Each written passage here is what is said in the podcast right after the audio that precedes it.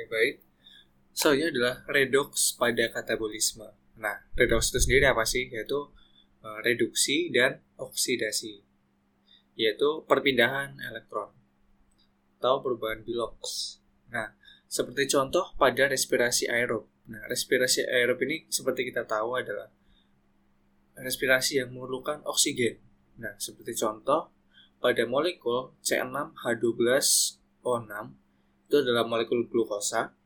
Apabila ditambahkan O2 atau oksigen, maka akan menghasilkan CO2 plus H2O atau air plus energi. Energinya itu adalah ATP.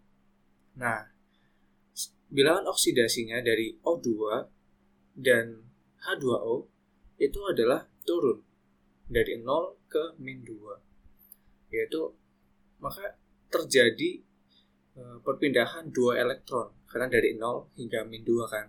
Nah, jika e, terjadi pertambahan elektron maka dinamakan reaksi reduksi.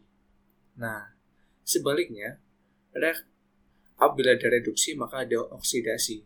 Nah, yang oksidasi apa? Yaitu molekul glukosanya, yaitu CnH12O6 ke CO2. Nah, karena uh, CnH12O6 ini uh, mengalami oksidasi, maka disebut agen pereduksi.